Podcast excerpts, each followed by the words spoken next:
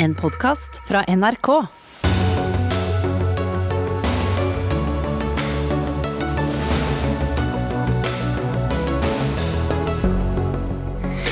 Telenor svarer på kritikken fra flere hundre organisasjoner som frykter for konsekvensene etter at telegiganten nå skal selge seg ut av Myanmar. Kjøper er et omstridt libanesisk forretningsselskap. Hva skjer med dataene til de tidligere kundene? Titusenvis av vaksinedoser her hjemme risikerer å havne i søpla fordi de går ut på dato. Gi heller de eldre en tredje dose, foreslår immunolog og møter et noe mer tilbakeholdent FHI. Mens Norge åpner, fortviler mange som jobber med opera, teater og orkester. De får ikke begynt å jobbe igjen. Årsaken er en langværig teaterstreik de selv ikke er en del av. Og en eh, profilert eh, folkerettsforsker roper varsko etter at eh, det viser seg at hver fjerde forsker i Norge er utenlandsk. Våre universiteter er ikke, universit, er ikke forskningshoteller, sier hun. Ja, da sier vi velkommen til Dagsnytt 18 denne tirsdagen. Jeg heter Espen Aas, og der skal vi også snakke om studenter som fortsatt følger undervisning fra både hybler og gutterom. Gjenåpnet Norge eller ei. Men først eh, hurtig til Hurdal. For, eh, for om lag en halvtime siden kom meldingene om at Senterpartileder Trygve Slagsvold Vedum sammen med Marit Arnstad hadde forlatt regjeringssonderingene på Øvre Romerike der de jo har sondert sammen med Arbeiderpartiet og SV. Vi vet at eh, bl.a.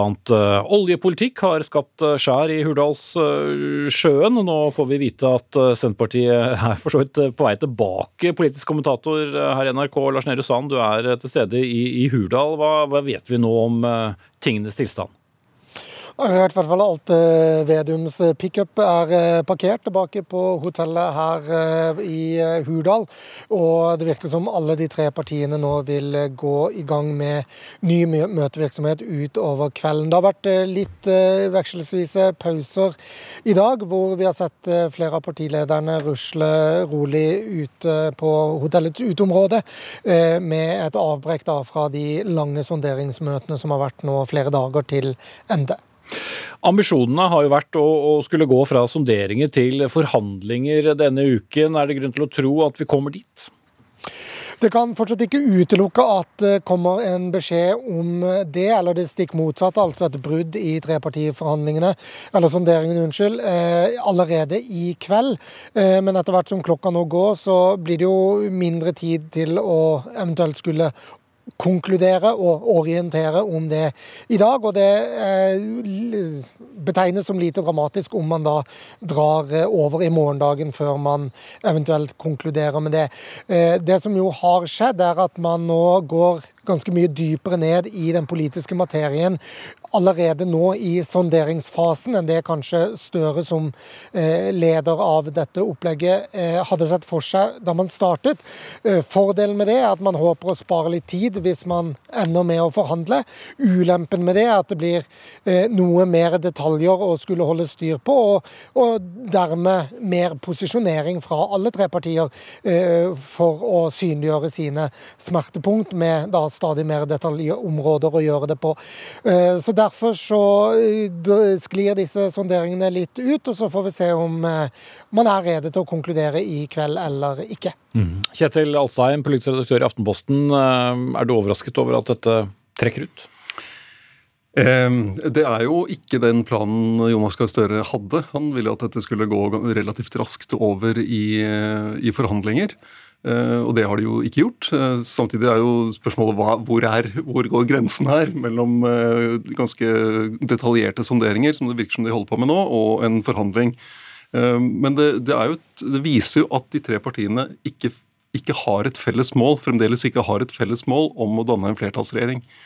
Og det har ligget der fra Senterpartiet hele veien. Og spørsmålet er om Arbeiderpartiet har tatt det nok på alvor.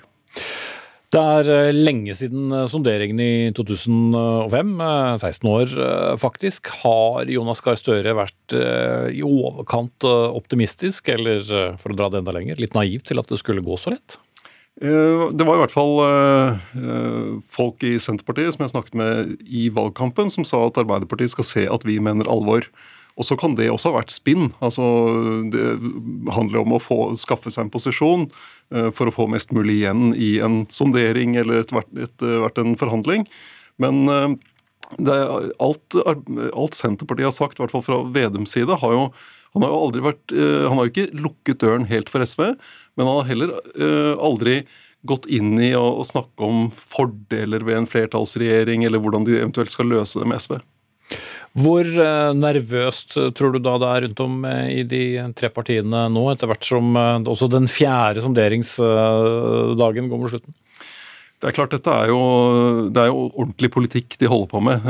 Sånn som NRK har skrevet om i dag, med diskusjoner om olje, og som også jeg hører fra, fra andre hold. Eh, det er, det er, godt mulig at Vedum og Arnstad fikk behov for å brenne av litt diesel for, for å, å, snakkes litt sammen, og andre har gått en luftetur. Så, og, det, og der, Olje er jo et eksempel på at det er veldig stor forskjell her, der SV vil ha en letestopp, og de vet at uh, hvis de ikke får det til, så vil de få kritikken både fra Miljøpartiet De Grønne og fra miljøbevegelsen og fra Venstre og andre.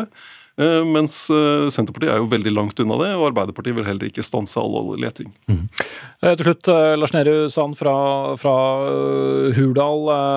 Hvor mye ser partiledere, nestledere og parlamentariske ledere ut til å, å være preget av forventningene? Det er klart Alle skjønner jo at man investerer både tid og, og, ressurser i å sitte her, så det er viktig å, å prøve å komme til en eh, konklusjon. Men uansett konklusjon fra alle de tre partiene, så må den kunne eh, forsvares utad. Det må overleve eh, de kampanjene som, som vil være i, i, kampen om sannheten. Uansett om det blir et eh, brudd eller en, eh, en videre eh, arbeid med å danne en, en trepartiregjering. ref både hva Senterpartiet har sagt i i uh, valgkampen, hvilke tilbud partiene har fått underveis og sagt nei til hvis de skulle forlate et uh, sonderingsspor uten å ville bli med videre. Uh, så det er mye som ligger i potten for, for alle de tre partiene. Men, men åpenbart at det å, å gå så grundig til verks som man gjør nå, også har gjort at det åpenbarer seg hvor, hvor vanskelig en reell forhandlingsrunde også vil bli. Og så vil jo noen si at det er greit å ha blitt minnet på før man eventuelt eventuelt setter seg ned og, og faktisk skal skrive en eh, regjeringserklæring basert på de tre partienes eh, politikk. Hurdalsdagene 2021 er i hvert fall ikke over. Takk til Kjetil Alstaheim, politisk redaktør i Aftenposten, og vår egen Lars Nehru Sand.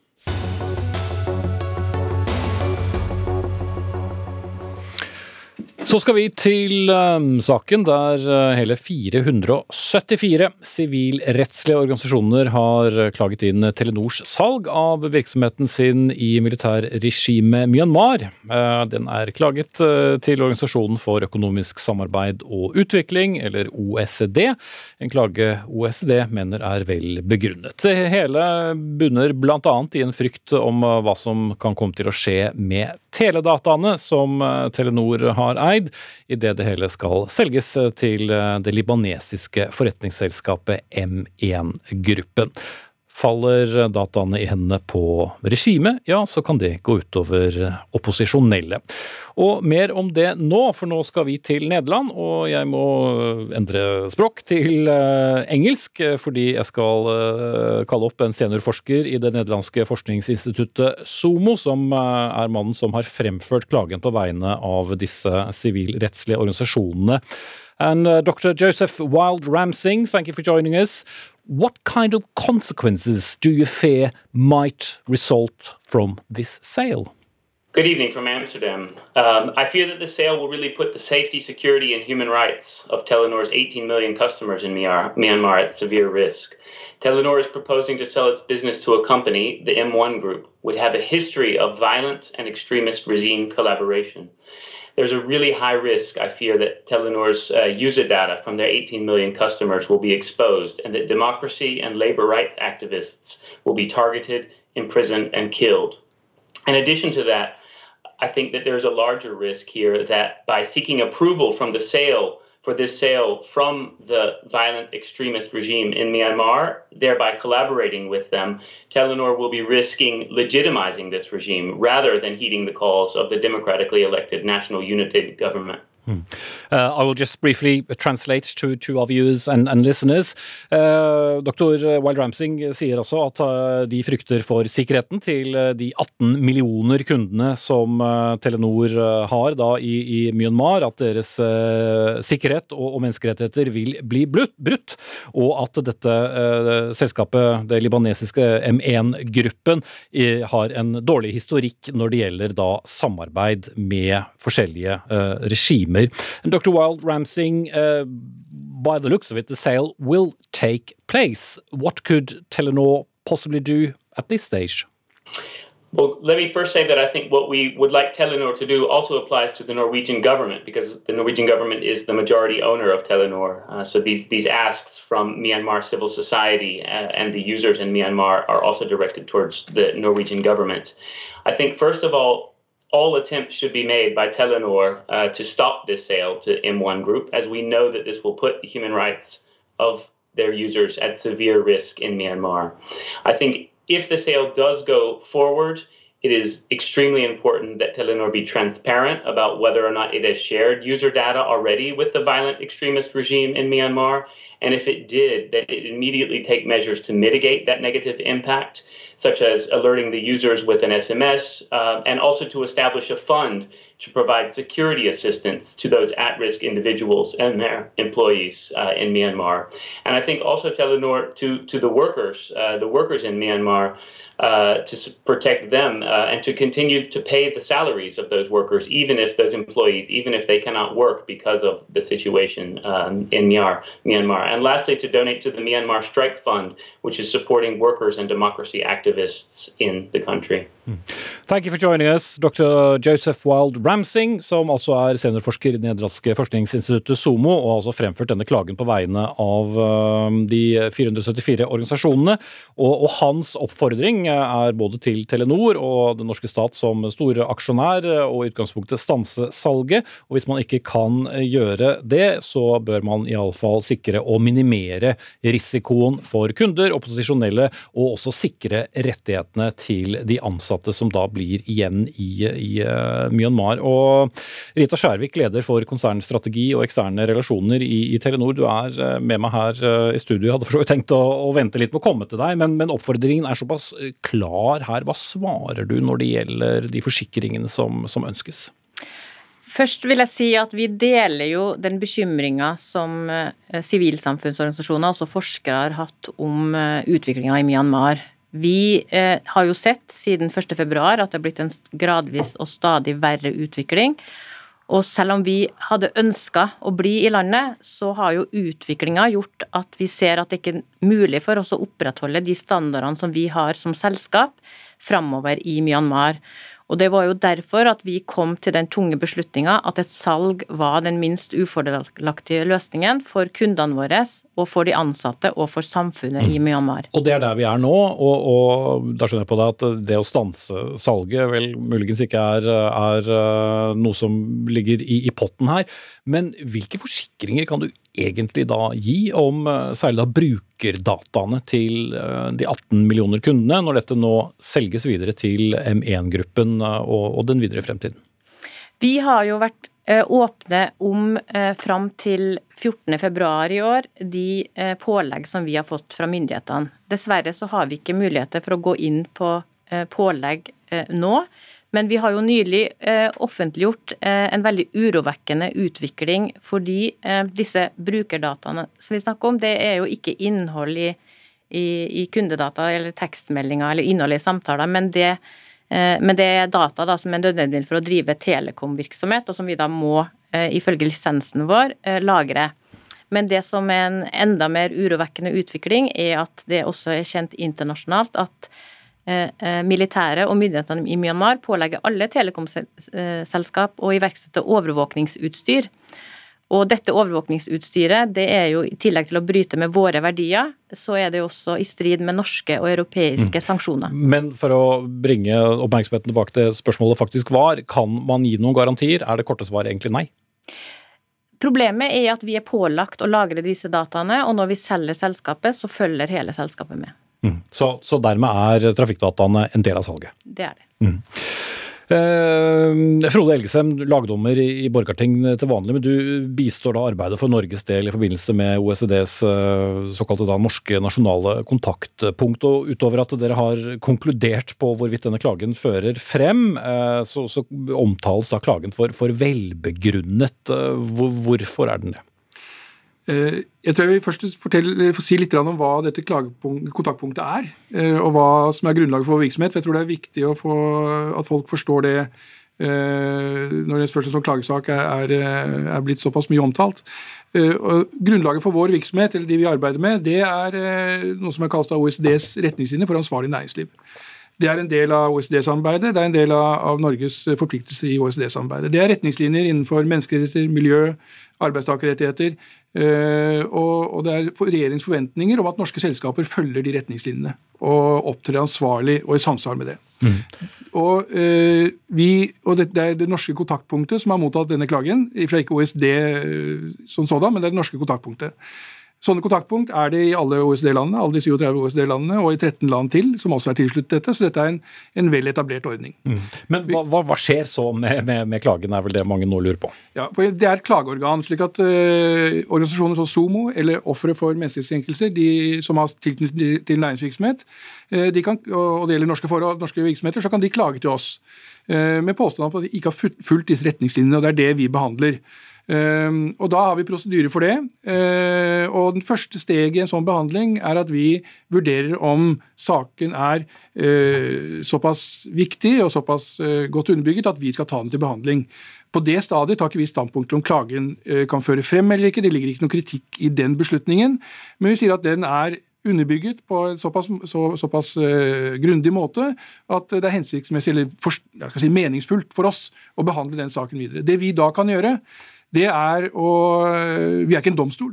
Vi har ikke de, de, mulighetene, men vi kan bringe partene sammen. Vi kan bringe klagerne i dette tilfellet, og Telenor sammen til et rom for forhandlinger, dialog, eventuelt mekling, for å finne en løsning på disse eh, problemene som er reist fra klagernes side, og som da er en stor gruppe med eh, sivilsamfunnsorganisasjoner i Myanmar som er bekymret for dette. Mm. Men, men, kan det på, påvirke eller forsinke selve transaksjonen eller overføringen av, av selskapet fra Telenor til denne M1-gruppen, eller vil det gå uavhengig av deres arbeid? Altså Kontaktpunktet har ikke noe kompetanse til å gjøre noe sånt. Eh, men vi kan bringe partene sammen, og da ser vi at fra det som vi har hørt nå, så vil jo det kunne bli en del av de diskusjonene. Og så eh, vil det foregå eh, Det vil ikke foregå i offentligheten. Det er, det er viktig for oss at, den, at, det er konfidensialitet rundt de diskusjonene, for det er den eneste muligheten til at man kan få resultater som fører frem. Uh, og Da vil det være mange temaer som kunne komme opp der, og som vil bli diskutert. Uh, noe vil være bakoverskuende. Har Telenor, uh, har Telenor gjort det som, det som, det som retningslinjene forventer av dem i forkant av salget? Hva kan eventuelt gjøres nå? Det, det er sånne spørsmål som kan komme opp, men, men alle disse tingene er foreløpig helt uavklart. og I den, den avgjørelsen vi har tatt nå, er det ikke tatt noen stilling til alle disse spørsmålene som er reist i klagen. Så dette, dette kan fort trekke ut i tid? Klagerne har bedt om at denne behandles fort. og i, Sånn som situasjonen er, som jeg har hørt at Telenor også alle er enige om, er, er meget alvorlig. Menneskesituasjonen i Myanmar er meget alvorlig, og den utvikler seg i en negativ retning. Så er det klart at det, det vil være viktig at vi behandler den fort. Og vi har faktisk da, selv om selv om eh, man kan tenke at dette har tatt litt tid. Vi mottok denne klagen i sommerferien, men eh, i, i, vårt system så har vi faktisk behandlet den ganske fort hittil. Så vi har prøvd å etterkomme det ønsket om å, om å behandle denne fort. Mm. Eh, Myanmar eh, er jo fra før av veldig lukket, og, og, er veldig lukket nå. Jeg skal bringe inn en, en fjerde person til samtalen, nemlig Marte Nilsen, seniorforsker ved Fredsforskningsinstituttet PRIO. Eh, du har også hatt kontakter inn i, i eh, Myanmar. Hva, hva sies nå rundt rundt eh, dette salget og, og denne saken? Jeg snakket med en kollega i Myanmar i dag, faktisk, eh, og Telenor er den eneste gjenværende sikre plattformen som folk kan stole på. Eh, og han beskriver det som den siste skanse også for å forhindre fremveksten av en fullstendig politistat i Myanmar. Og la meg si det først at Telenor har vært en veldig viktig aktør i Myanmar i syv år nå, for å sikre nettopp et trygt demokratisk rom for demokratibevegelsen. Men nå, etter kuppet kuppet i februar, så er landet altså på randen av fullstendig kollaps. Og motstanderne av det brutale regimet er presset til det ytterste. De risikerer tortur og drap. Og alle disse er Telenor-abonnenter. Mm. Så Derfor så er det forferdelig viktig at det, om det blir et salg som, må, eh, som gjennomføres, så må Telenor kunne slette all trafikkdata på disse 18 millioner kundene. Mm. Og Det er altså data om hvem som snakker med hvem, når, hvor og hvor lenge. og Det er viktig informasjon for militære som forsøker å slå ned på all motstand i mm. landet. Men du hørte kanskje hva Skjærvik sa tidligere i, i, i samtalen her, at her kan man faktisk ikke gi noen garantier, og her er det klare pålegg fra regimet i Myanmar, enten det er Telenor som uh, ville fortsatt som, som eier, eller om det da blir den nye eieren M1-gruppen. Ja, og Det er forståelig at presset fra militærjuntaen er uholdbar for Telenor, men salget løser jo ikke problemet. Tvert imot, problemet overføres til, da, til et investeringsselskap som er komplett uten forutsetninger og vilje til å håndtere det presset fra myndighetene om overføring av data, f.eks. Og Telenor selger seg ut av problemet, og det er egentlig en ansvarsfraskrivelse. Det må ikke handle om omdømmet til Telenor, dette men det ansvaret som ligger i det å gå inn i et land som Myanmar, som jeg mente var helt riktig. Men det ansvaret Telenor har overfor kundene, forsvinner ikke ved å selge virksomheten. Og mm. Telenor har gått inn i Myanmar med åpne øyne og ansvarlig drift, og det har vært viktig. Men de må fortsette å være et ansvarlig telekomselskap og ta ansvar for den kontrakten de har inngått med mm, sine okay. kunder. La, la oss uh, få et svar på det, Skjærvik. Ja, jeg har stor respekt for uh, ønsket som vi har hørt fra mange, også fra Myanmar, om at Telenor bør bli. Uh, og det er jo ut fra den forståelsen av at Telenor har jo bidratt til høyere standarder og har representert noe annet i Myanmar. Og vi skulle jo gjerne ha fortsatt å representere det og betjene kundene våre i mange år framover. Så, nå har dere ikke noe ansvar for kundene lenger? Nå problemet, skal det selges? Problemet vårt er at det er ikke mulig for Telenor eller noen andre å opprettholde de høye standardene som vi har satt.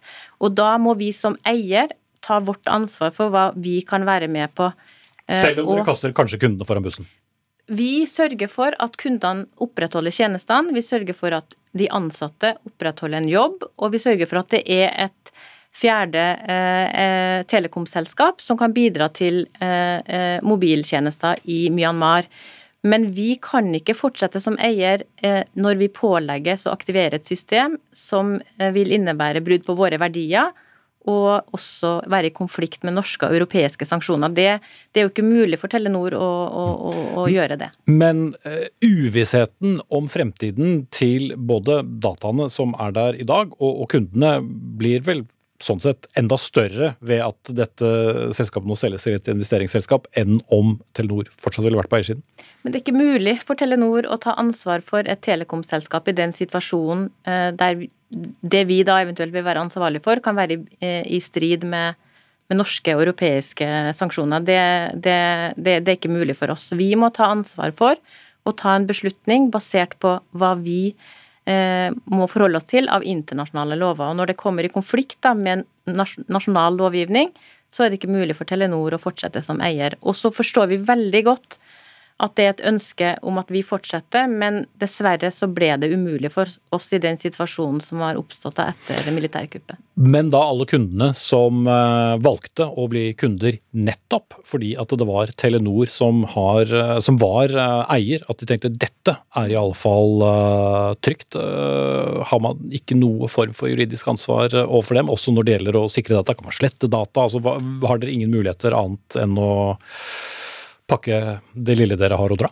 Altså, vi har vurdert eh, alle mulige eh, alternativ eh, før vi valgte å gå til et salg. Og vi har jo også i vurderinga av salgsprosessen vurdert både personvern og menneskerettigheter.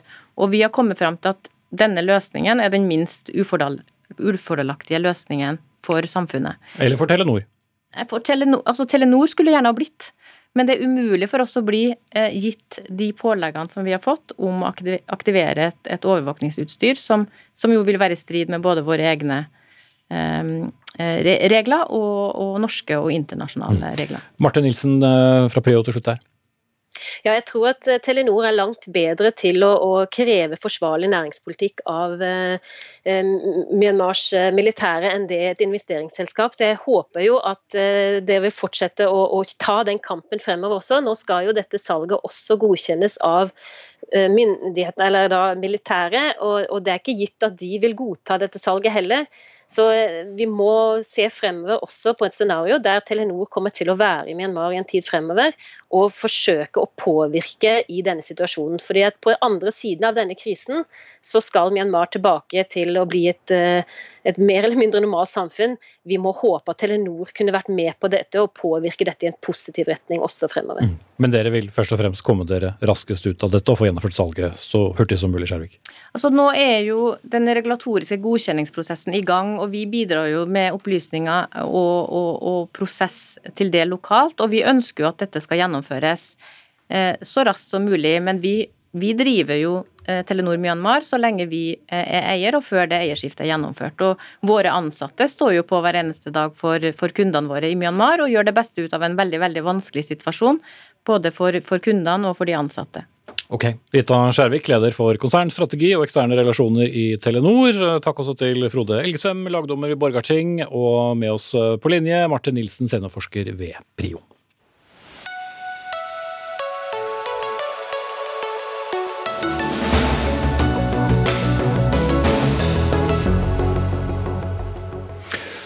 Mange studenter trodde kanskje de skulle få komme tilbake til forelesningssalene. Slik gikk det ikke. Mange må fortsette å studere fra gutterom og hybler. Mer om det senere i sendingen. Men nå Titusenvis av eh, vaksinedoser de kan havne i søpla di fordi kommunen risikerer å ikke få brukt dem før de går ut på dato, skriver VG i dag.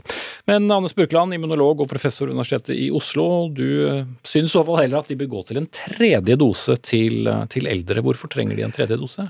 Altså, vi, vi vet vel ikke sikkert ennå om våre eldre tre, absolutt trenger en tredje dose, men eh, internasjonalt så ser det sånn ut. og Våre eldste ble vaksinert på samme måte som de i Israel i januar-februar, med bare tre ukers intervall mellom de to første dosene. og I Israel har vi sett at Eh, mange har blitt syke og blitt lagt inn på sykehus. Og eh, en tredje dose nå i sommer har gitt fabelaktig god effekt på å redusere det igjen. Mm. Men Skal vi bare bruke det som et grunnlag for å bruke opp uh, Jeg synes at en million israelere som har fått en tredje dose med god effekt, er et godt argument. Da, og Særlig når de dosene skal kastes. Hadde det ikke vært for det, så hadde jeg vel kanskje ikke sittet her. Mm. Geir Bukkholm, assisterende direktør ved Folkehelseinstituttet. En million israelere, er det et grunnlag godt nok for å vurdere å bruke disse som en tredje dose på våre eldre? Ja, Det er en av de tingene vi vurderer. Så må jeg jo legge til at vi har jo begynt å gi en tredje dose til de med svekket immunforsvar.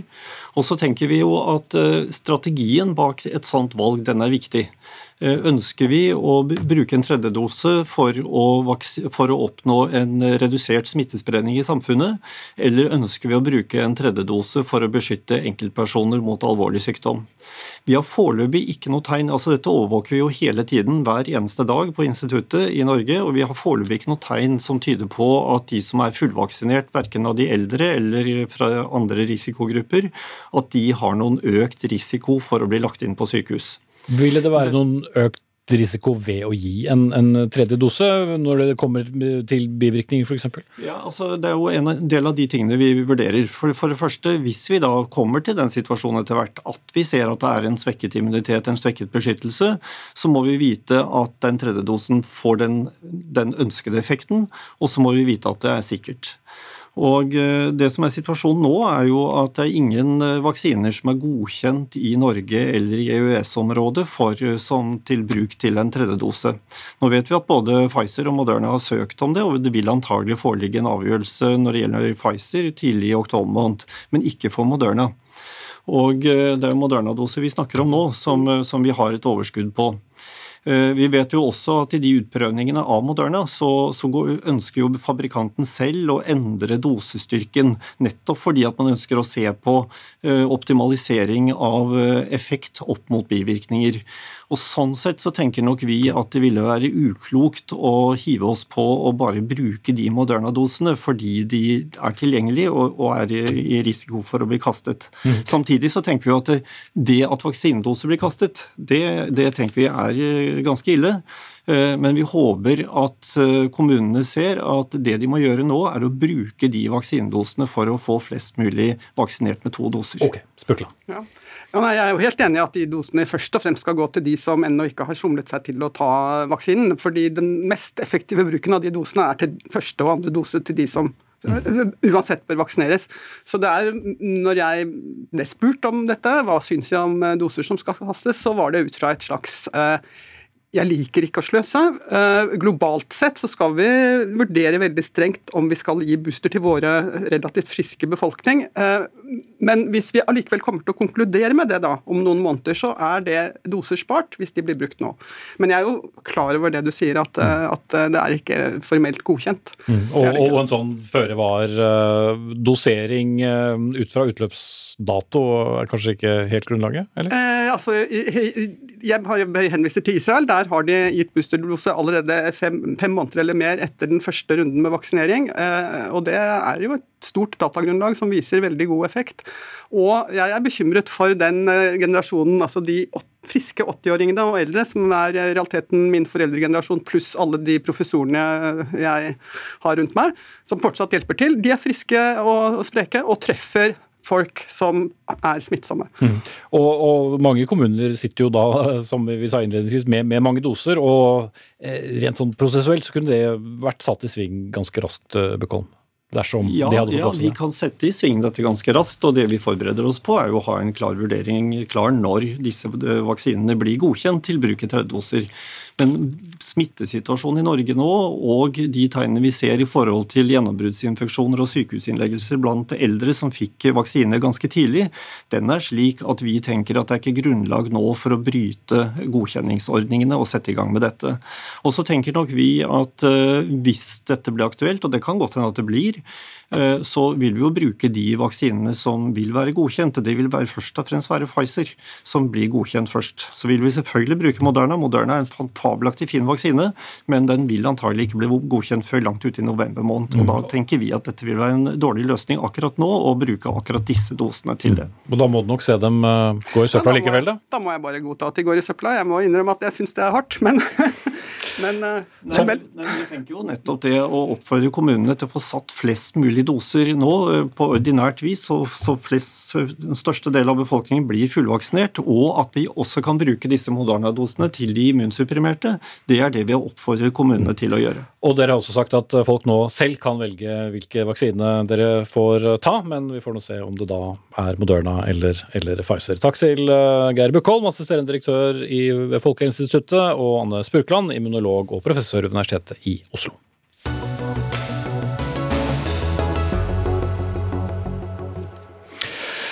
Mens eh, de aller fleste har jublet eh, nærmest i fistel over et gjenåpnet eh, Norge, så er stemningen langt mer mollstemt hos musikk- og teaterliv i Norge. 435 ansatte innen opera, teater og orkester er tatt ut i streik fordi tre LO-forbund og arbeidsgiverforeningen Spekter ikke blir enige om pensjon. En langvarig strid, får jeg legge til, men som da har endt i konflikt nå.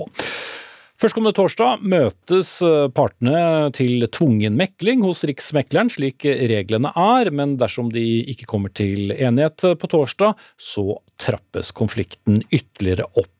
Det som er spesielt med akkurat denne streiken, er at den rammer langt flere ansatte enn de som denne pensjonsordningen gjelder, som er på forskjellig vis tilknyttet opera, teater og orkester. Folk som normalt sett ville vært en del av forestillingene som nå er blitt avlyst. Og, og Gøril Songvold, daglig leder av det som heter Opera til folket.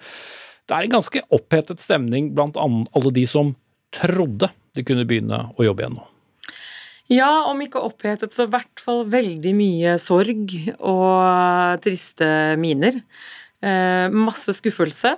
Og det handler liksom ikke bare om at de får kompensasjon for jobb de ikke skal gjøre, fordi Eh, altså Operaen og Kilden og alle disse stedene som da er rammet av dette, har jo sørget for at de får betalt. Men det handler om så innmari mye mer enn det. Det handler om kunstnere som ikke får utøve yrket sitt, og det er ganske trist. Og så er det noe med øh, hvordan øh, f.eks. operaen og teaterne øh, bestiller forestillinger. Dette går over lang tid, så, så de forestillingene som nå ikke blir fremført, mange av de vil jo heller aldri bli fremført? Høyst sannsynlig ikke. Jeg hørte at Amadeus i Kilden i Kristiansand nok kommer opp igjen kanskje om to år, og det håper jeg jo. Og jeg håper jo at Dead Man Walking også kan komme opp igjen, for det er liksom helt spesielle forestillinger. Det er noe annet med sånn Eh, Figaros bryllup som går igjen og igjen, ikke sant. Så, så, jeg håper jo bare at de får til å gjøre det siden. For folk jobber hardt. Det er litt sånn som at Warholm skal komme liksom til startstrek, eller til mål, og så bli stoppa to minutter før det er ferdig, liksom. Eller 30 sekunder, kanskje. og, og, og, mange av disse er jo da enkeltmannsforetak, eh, eller frilansere som de ofte kalles, men er også organisert i bl.a. Acreo, som er en av de tre LO-forbundene som er i konflikt her. og og vi har sett folk har meldt seg ut. Ikke fordi de er uenig i pensjonskravet, men de synes det er et helt feil tidspunkt å gå ut i denne konflikten på.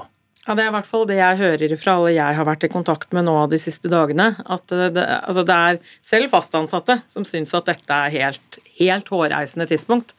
Umusikalsk er vel ordet vi alle er ganske enige om. Eh, så av de jeg har snakket med, da både fastansatte, frilansere og selvstendig næringsdrivende. Mm. Så hvis man på et tidspunkt skulle tatt det store oppgjøret rundt denne mange år lange striden rundt pensjonsordning, så var det i hvert fall ikke i det året hvor eh, Norge først var nedstengt og åpnet opp igjen. Ja, i hvert fall ikke samme måneden.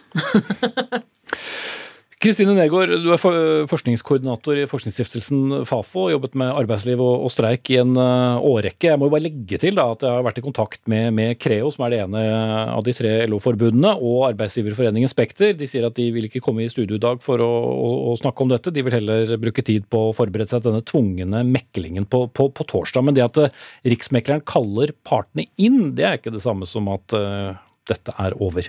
Nei, nå er det Det ligger i reglene at de skal kalles inn når streiken har Eller en arbeidskonflikt har pågått en måned. Så dette her er, kan du si, rutine. Så det er ikke noe garanti for at de blir enige. Men hva kan skje da? Et, et kort møte hvor riksmegler må, må, konstatere at her står partene så langt fra hverandre at uh, en, en opptrapping er det mest sannsynlige? Ja, da fortsetter arbeidskonflikten. Eh, og den kan jo fortsette en god stund til, i hvert fall eh, hvis man bare tenker på at her kan man fortsette til en av partene opplever så store økonomiske problemer at de må gi seg. Eh, det skjer nok ikke så raskt, for her snakker man om forbund som har penger i streikekassa, og vi snakker om offentlige institusjoner som ikke går konkurs. De er jo offentlig eid, disse teaterne og operaen. Men eh, det er, det er jo først og fremst et spørsmål om når blir dette her så belastende for en av partene eller begge partene, slik at de vil begynne å nærme seg hverandre og se etter en løsning. Men kan altså Partene står jo veldig langt eh, fra hverandre. Arbeidsgiverorganisasjonen har sagt blankt nei. Eh, arbeidstakerorganisasjonene har jo pågått her, her i lang tid. Den, du har jo sett mange oppgjør opp gjennom årene, Nergård. Kan man komme til et stadium der streiken avsluttes uten at man likevel avgjør et, et så vanskelig prinsipielt spørsmål som en eh, fremtidig pensjonsordning? Altså Man kan jo forsøke å skyve det framover. Altså det er jo det som gjerne er løsninga hvis man på en måte vil komme seg ut av en eh, arbeidskonflikt eh, uten at noen liksom skal kaste korta sier at vi gir oss. Da setter man ned et utvalg og jobber fram til neste lønnsoppgjør er jo litt sånn utfordringen at det har man jo drevet på med siden sånn 2015-2016. Dette er en tema som har vært på dagsordenen ganske lenge. Eh, det kom jo opp, skulle jo egentlig vært oppe i lønnsoppgjøret i fjor, og så kom eh, pandemien, og så skjøv man det til mellomoppgjøret i 2021. og så kan man jo i prinsippet skyve dette her videre, men da må man nok kanskje bli enige om en eller annen retning. Da skal vi prøve å få til en hybridpensjon, eller skal vi prøve å få til en uh, annen type ordning. Mm. Vi velger da å ikke gå for mye inn i detaljene rundt denne pensjonsordningen. Ingen av dere er jo sånn sett partner. Du, du forklarer hvordan dette henger sammen rent teknisk, Nergård. Men, men Songvold, hvis vi skal se på konsekvensene da på, på, på, litt lengre sikt. For som sagt, mange er, rett og slett uh, ute av seg over uh, alt som blir utsatt, og vi får denne dominoeffekten da av, av uh, oppsetninger som, som, aldri finner sted. Hva, hva, frykter du denne konflikten kan føre til for, for kunstnere og, og, og for så vidt også teater og opera?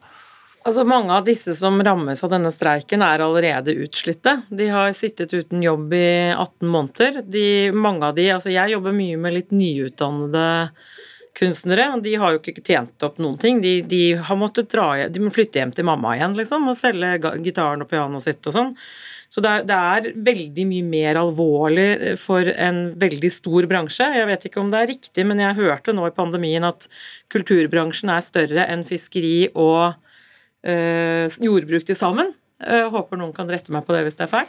La oss Men... ikke bruke mer tid på det, siden ingen av oss ha, ha, har uh, fakta. Men jeg snakket også med en regissør tidligere i dag som sa et annet problem er jo når du enten skal da søke jobb som sanger, eller for all del søke om å få satt opp et stykke, så blir det ofte målt på det siste du har gjort. Ja. Nå ser veldig mange at det siste som de skulle ha gjort, ikke kommer til å skje. Mm, det er helt reelt. og du blir ikke sett av de agentene som kommer, osv., osv. Så, videre, og så, videre. det er rett og slett eh, veldig leit. Og jeg tror jo at i ytterste konsekvens så vil det være folk som finner på andre ting å gjøre. Og vi har veldig mange ekstremt dyktige utøvere i dette landet. Og Det er jo ikke bare de som står på scenen, det er også de bak scenen. Altså scenografer, eh, lysdesignere, eh, kostymedesignere osv. Det er veldig, veldig mange mennesker dette gjelder. Det er liksom ikke ti solister i hver forestilling. Eh, det er korister, det er orkestermusikere, det er hundrevis av mennesker som dette rammer. Tusenvis, tror jeg faktisk. Og det er, det er virkelig krise. Og kulturlivet har ligget så innmari brakk nå så lenge. Så jeg syns jo det er ja, umusikalsk å ha denne streiken nå. Det er mitt uh, siste og endelige ord i denne sak. og flere ikke heller. Eh, torsdag er det altså møte hos eh, Riksmekleren, hvor de tre LO-forbundene og Arbeidsgiverforeningen Spekter uh, iallfall må snakke sammen. Så får vi se hvordan det går. Takk til Gøril Songvold, daglig leder i Opera til Folket, og Kristine Nergård, forskningskoordinator ved Forskningsstiftelsen Fafo.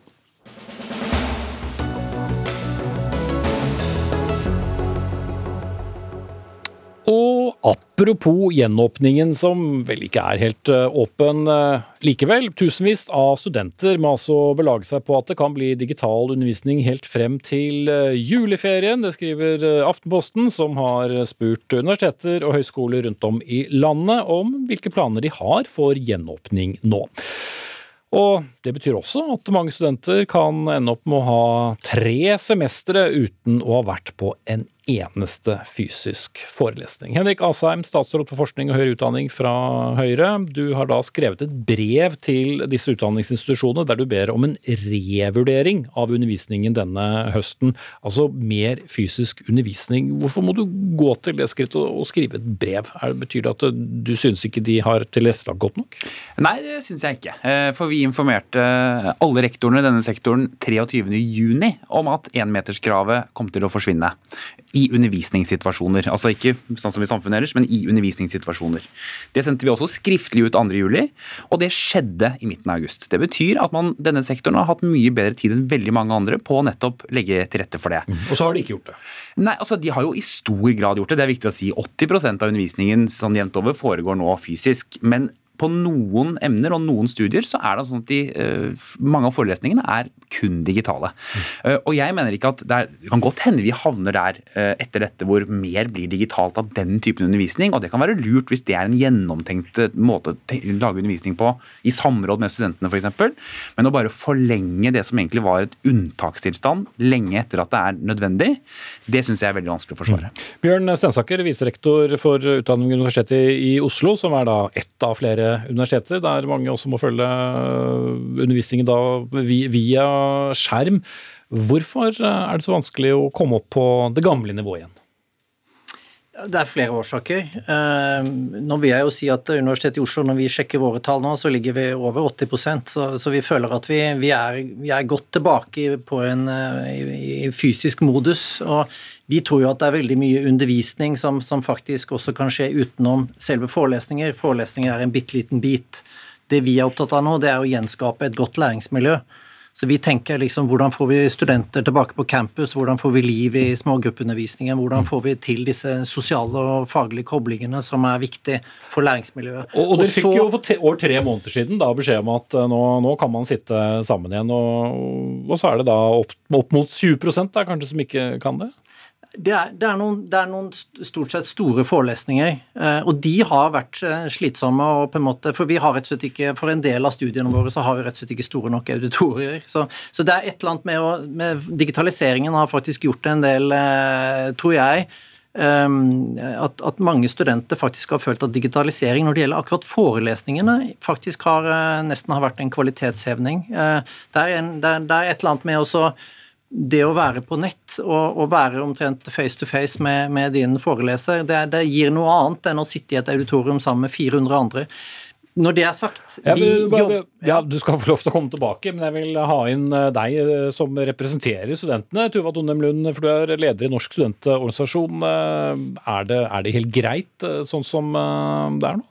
Nei, vi syns jo ikke det. Vi tenker at nå som hele landet har åpna igjen, så må det også gå an å åpne forelesningssalene, og det må også gå an å ha fysisk undervisning. Og det henger jo sammen med det at vi vet at studentene er noen av taperne gjennom pandemien. Vi vet at veldig mange sitter på veldig små hybler. altså Arbeidstakere snakker om hjemmekontor. Hva slags hjemmekontor er det du snakker om hvis du ikke har skrivebord og, og skrivebordstol, men sitter og, sitter og leser og studerer fra senga eller fra, fra, gulvet på hybelen din, hvis du ikke har plassen til det. Vi vet også at veldig mange har slitt med ensomhet, veldig mange har slitt med å få den tilhørigheten til studiestedet sitt, og vi, vet at veldig mange har hatt det veldig tøft. Og det vi ser nå, er jo at resten av samfunnet åpner igjen. Og som Asheim sier, har også regjeringen gitt helt klare signaler til institusjonene om at også undervisningen må, må gjennomføres fysisk igjen. Og så ser vi at det ikke skjer overalt. Da, da kan vi lese sånne historier som vi gjorde i dag om, om Sara, som møter en helt annen studenttilværelse enn det hun trodde hun skulle møte. Mm, men ut fra det Stensaker uh, sier, uh, kjøper du ikke da helt forklaringen, eller?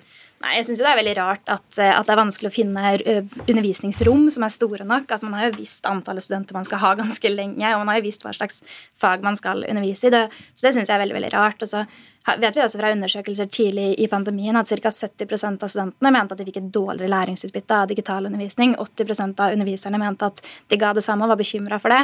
Og Da lurer jeg litt på hva som ligger bak da, at man tenker at nå er det helt forsvarlig å gjennomføre kun digital undervisning. Hvis dette er noe man tenker at man skal fortsette med inn i framtiden, så kan vi godt snakke om dette med varierte undervisningsmetoder og det, men da mm. tenker jeg men dette er ikke det er på sikt. Nei, nå må vi åpne opp for studentene som Sara og de andre det vi har lagt vekt på på Universitetet i Oslo, det er jo at alle studenter skal ha et fysisk tilbud uansett. Og vi, vi legger jo spesielt eh, stor vekt på de som starter opp, begynnerstudenter, og også de som har vært andreårsstudenter. Det, det har vi en spesiell omsorg for. Så er det ikke dette bare om å skaffe store nok auditorier. Det, det har noe med tidsplanlegging å gjøre. Og så er det, skal vi faktisk ikke glemme, at ja, vi har sett en student i dag som gjerne vil fysisk tilbake, og som er på en måte helt der full respekt for det. Jeg, jeg, jeg, tror henne gjerne. Jeg tror veldig mange studenter har hatt det beintøft. Samtidig så ser vi mange studenter som da etterlyser den fleksibiliteten, og som gjerne vil fortsette med det. Så, så studentene jo, er jo ikke en enhetlig to, to, to forskjellige ting. Da. Det er jo ikke sånn at ikke vi har drevet uh, disse universitetene i, i, mange mange år. Uh, har du for mange studenter siden du ikke kan tilrettelegge, eller hvorfor er dette problematisk uh, nå, når beskjeden kom for over tre måneder siden? Så tenker jo jeg, nå driver ikke jeg universitet, men at det, dere har vært vant til å, å kjøre med, med full åpning? Altså, vi har gjort masse nå i etterkant av åpningen. Vi har åpnet lesesaler, vi har åpnet eh, det at meteren forsvant, har, eh, har, hatt mye å si. Og jeg vil jo faktisk si at vi har allerede ganske tidlig i år, så var vi altså, altså tidlig i vår, så var vi egentlig ganske Vi var ganske tilbake på, på veldig mye fysisk undervisning. Så det, dette Vi har egentlig vært eh, Han har drevet med litt sånn snikåpning lenge før vi, vi, vi fikk lov på en forsvarlig måte. Og så er det og så er det akkurat dette med forelesninger som jeg syns blir litt sånn Det blir en litt merkelig debatt, fordi at veldig mye av det undervisningstilbudet vi gir, det er på en måte Forelesninger er bare en liten del av det. Og det er faktisk ikke veldig Det er, det er, ikke, det er ikke, på forelesninger at du skal egentlig være sosial, for det er på en måte ikke arenaen for det. Vi må tilrettelegge bedre på andre måter. Men kanskje måter. på vei ut, og kanskje på vei inn og så i kantinen og så på lesesalen etterpå. Asheim, eh, du har sittet og hørt på. Hva tenker du? Nei, altså Som sagt så er det sånn at, eh, som, som også Tuva fra NSO var inne på i sted, da dette var stengt ned, da det var vanskelig, så var tilbakemeldingen fra studentene klokkeklar.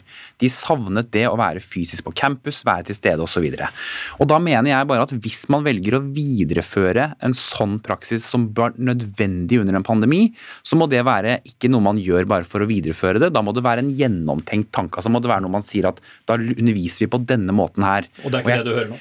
Nei, det er egentlig ikke det. Fordi hvis, fordi også fordi argumentet for å gjøre dette har forandret seg. Fra uh, plass til at det er pedagogikk, til at det uh, var uklart om hvordan smittetallene kom til å være i høst, til planlegging at det tar lang tid. Poenget er bare at vi må vi som utgangspunkt at vi er tilbake på normalen. og Det er derfor vi ga denne sektoren god tid for å sørge for det. Hvis man nå befinner, finner ut i Oslo at forelesningene bør være digitale, så er det en interessant diskusjon. Derfor laget vi en egen strategi på digitalisering i høyere utdanning. hvordan man kan bruke det som læringsmetoder. Men nå bare viderefører man et unntak frem til jul. For hvis man mener at det er riktig rent pedagogisk, så bør man jo videreføre det etter jul også. Så derfor så er jeg faktisk litt kritisk til dette. Jeg syns ikke det går an å videreføre et unntak som handlet om pandemi, som er i all hovedsak over. Stensaker og Stålund. For det første så viderefører ikke vi dette automatisk før jul, men vi måtte ha en planleggingshorisont. Og, og det, dette, dette Kunnskapsdepartementet og andre har også sagt at det var data og ikke dato som Så det var egentlig veldig usikkert når denne åpningen kom. Så vi måtte planlegge for Altså lærerne har en arbeidsplan, studentene har en arbeidsplan, så, så det, det, må faktisk et system inn her. Men gjenåpningsbeskjeden til hvert fall denne meteren kom jo mye tidligere til dere enn noen andre? Ja, og, og, det var kjempefint. Og da befolket vi Auditoriene er ikke stengt. Auditoriene er åpne. Så, så det er faktisk eh, Og vi har 85 tilbake på, på, fysisk undervisning. Så jeg syns jo dette er, blir en litt spesiell sak. Og vi jobber nå med å få enda mer tilbake på fysisk undervisning der hvor det er hensiktsmessig. Men det, det, må på en måte, vi må, vi må, kunne få lov å ta noen pragmatiske valg her for å sørge for at studentene faktisk lærer best. Det er egentlig vår bekymring. Mm, men hva svarer du til eh, denne pragmatikken, Lund? Nei, jeg, jeg, tenker jo litt enig med det Henrik var inne på i stad, med den digitaliseringsstrategien. Vi kan godt snakke om varierte undervisningsmetoder, vi kan godt snakke om hva undervisning skal være i fremtiden, men da er det en helt annen debatt. Det jeg er opptatt av nå, er denne 15% med studenter som, som har forelesninger som ikke er fysiske, hvor, hvor undervisningen ikke har åpna igjen. Og så tenker jeg at det snakkes om forutsigbarhet i, i, undervisningen, og at studenter må vite hvilken hverdag de møter. og Samme gjelder jo for de ansatte. og Jeg forstår også at man har planlagt for to ulike undervisningssituasjoner på, på relativt kort tid, og, og, den ser jeg absolutt fra institusjonene sin side. Men da tenker jeg også at, eh, at dette med digital eh, undervisning og digitale forelesninger det er et godt supplement til de fysiske forelesningene. Og så mm. må vi klare å ha det som, som standard. Okay. Tuva Tonnem Lund, leder i Norsk studentorganisasjon, Bjørn Stensaker, viserektor ved Universitetet i Oslo, og Henrik Asheim, fortsatt statsråd for forskning og høyere utdanning fra Høyre.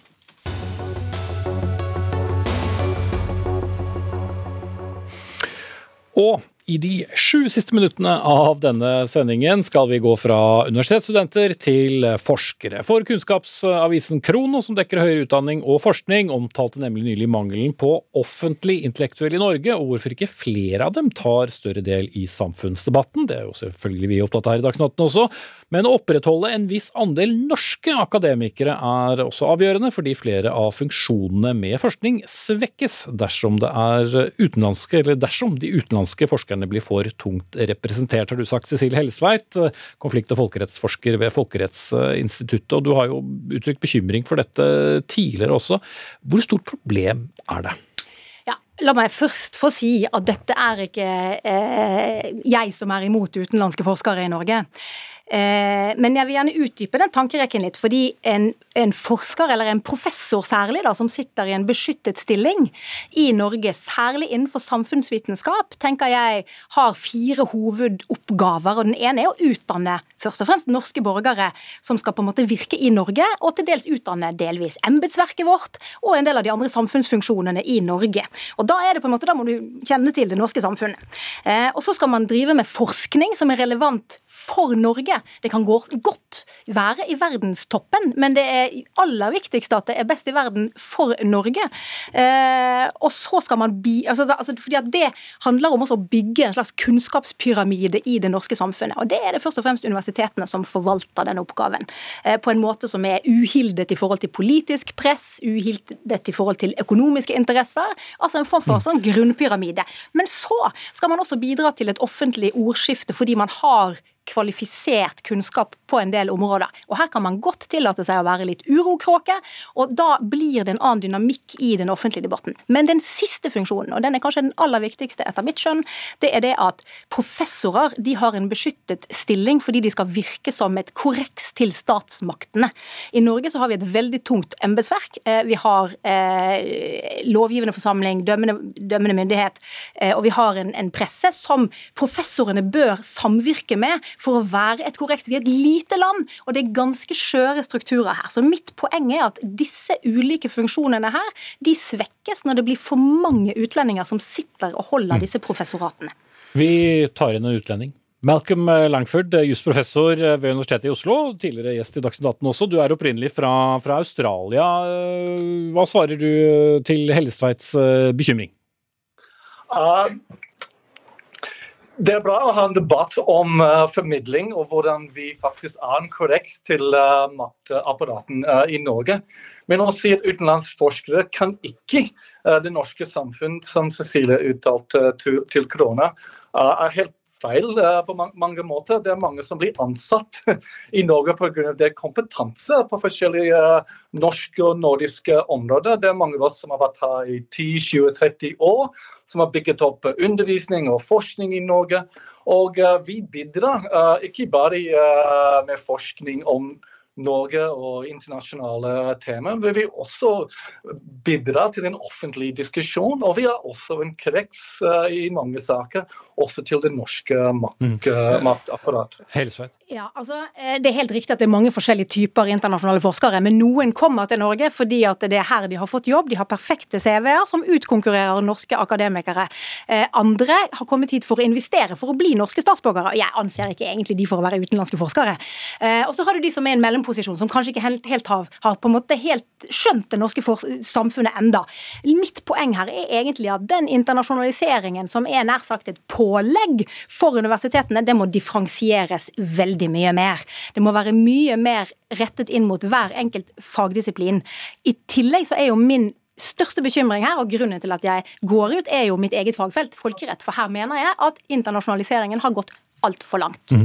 Men, men, men Langford, vi ser jo da uh, at antall forskere med utenlandsk bakgrunn nærmest dobler seg fra 2007 til 2018. Og det går jo ikke selvfølgelig på deg som enkeltperson eller hver, hver enkelt ja. professor, men kan du se at totalen kan få eh, den type innvirkning som, eh, som Helsveit sier? Neste alt den økning er på matnat, medisin og teknologi, og mesteparten er i midlertidige stillinger. Så når vi snakker om beskyttet professorstillinger, har det vært ikke så mye på samfunnsvitenskap uh, og, og juss, kanskje litt mer på uh, humaniora.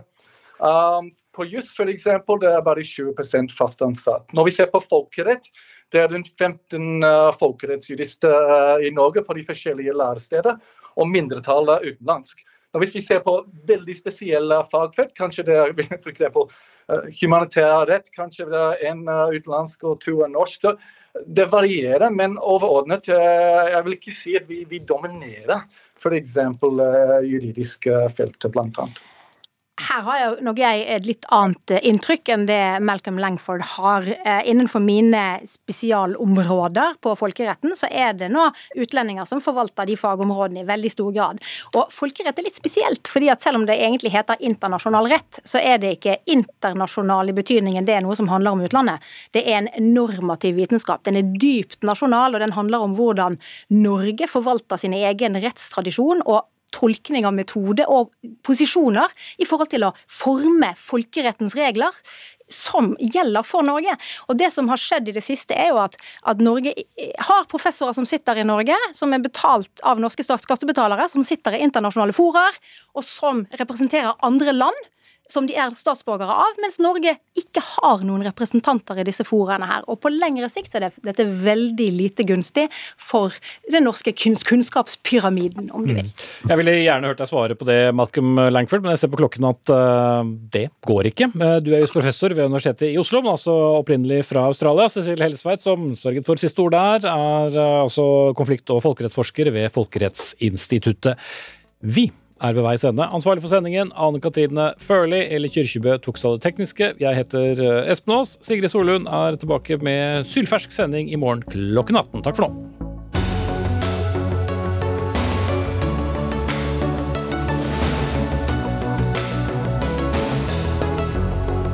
Du har hørt en podkast fra NRK. Hør flere podkaster og din NRK-kanal i appen NRK Radio.